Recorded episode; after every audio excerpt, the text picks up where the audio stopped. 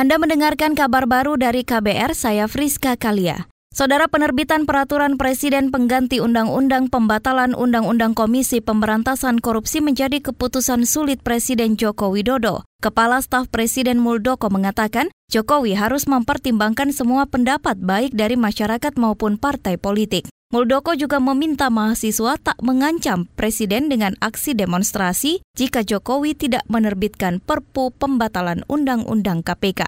Ya, semua nanti kan akan dikalkulasi. Saya juga kemarin pesan sama mahasiswa, jangan pakai bahasa pokoknya lah. Kita itu uh, memikirin negara itu persoalannya besar, semua harus dipikirkan, semua harus didengarkan. Jadi bahwa presiden itu banyak yang harus didengarkan. Ada partai politik, ada masyarakat yang lain, ada mahasiswa, ada berbagai elemen masyarakat. Kepala Staf Presiden Muldoko mengklaim Jokowi akan mempertimbangkan aspirasi mahasiswa tentang perpu pembatalan Undang-Undang KPK seperti yang didemonstrasikan pekan lalu. Sebelumnya, sejumlah mahasiswa dari beberapa universitas di Jakarta mendesak pemerintah segera menerbitkan peraturan pengganti Undang-Undang Pembatalan Undang-Undang KPK dengan tenggat 16 Oktober 2019. Mahasiswa mengancam kembali berdemonstrasi dengan masa lebih besar jika tuntutan tak dipenuhi Jokowi. Beralih ke informasi lain, Wakil Presiden Yusuf Kala mengundang Wakil Presiden terpilih 2019-2024 Ma'ruf Amin ke kediaman dinasnya. Kunjungan tersebut adalah kali ketiga JK dan Ma'ruf Amin. Menurut Ma'ruf, pertemuan itu untuk membahas apa saja persoalan yang harus mendapat perhatian setelah pelantikan yang dijadwalkan bulan ini. Ya, saya diundang Pak JK supaya ikut berjumat di sini, diperkenalkan stafnya semua, personal personil personil di Wapres diputi-diputi dan semua jajarannya terus diajak makan siang.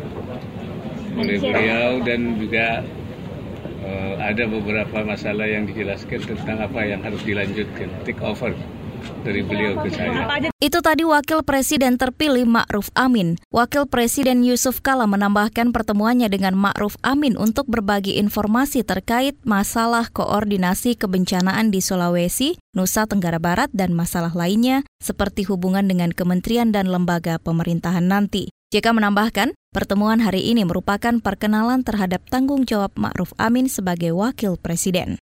Saudara hari ini Komisi Pemberantasan Korupsi KPK memeriksa anggota BPK RI Rizal Jalil yang ditetapkan sebagai tersangka kasus suap proyek spam di Kementerian PUPR. Simak laporan selengkapnya bersama reporter KBR Mutia Kusuma langsung dari gedung KPK Jakarta.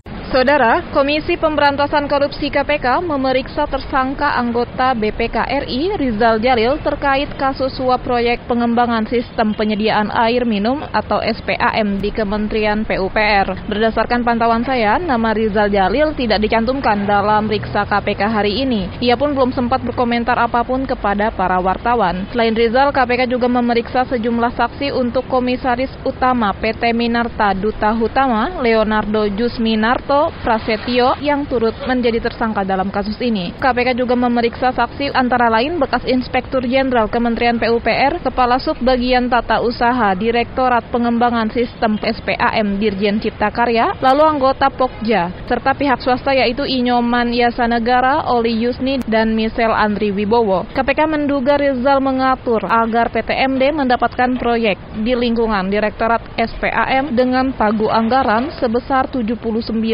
miliar rupiah lebih. Dari Gedung Merah Putih KPK Mutia Kusuma untuk KBR. Beralih ke informasi daerah, kemarau panjang menyebabkan wilayah krisis air di Kabupaten Magetan, Jawa Timur meluas. Juru bicara BPBD Magetan Ferry Yoga Saputra mengatakan ada total 10 desa dengan jumlah jiwa kurang lebih 11.000 jiwa yang mengalami kekeringan. Ferry Yoga Saputra menambahkan, krisis air di tujuh desa baru terjadi tahun ini. Sebelumnya, tujuh desa tersebut tidak pernah mengalami kekeringan. Banyaknya pembangunan sumur dalam untuk pengairan diduga menjadi penyebab meluasnya desa terdampak kekeringan tahun ini. BPBD Magetan juga terus menyuplai 128 ribu liter air bersih kepada warga setiap hari.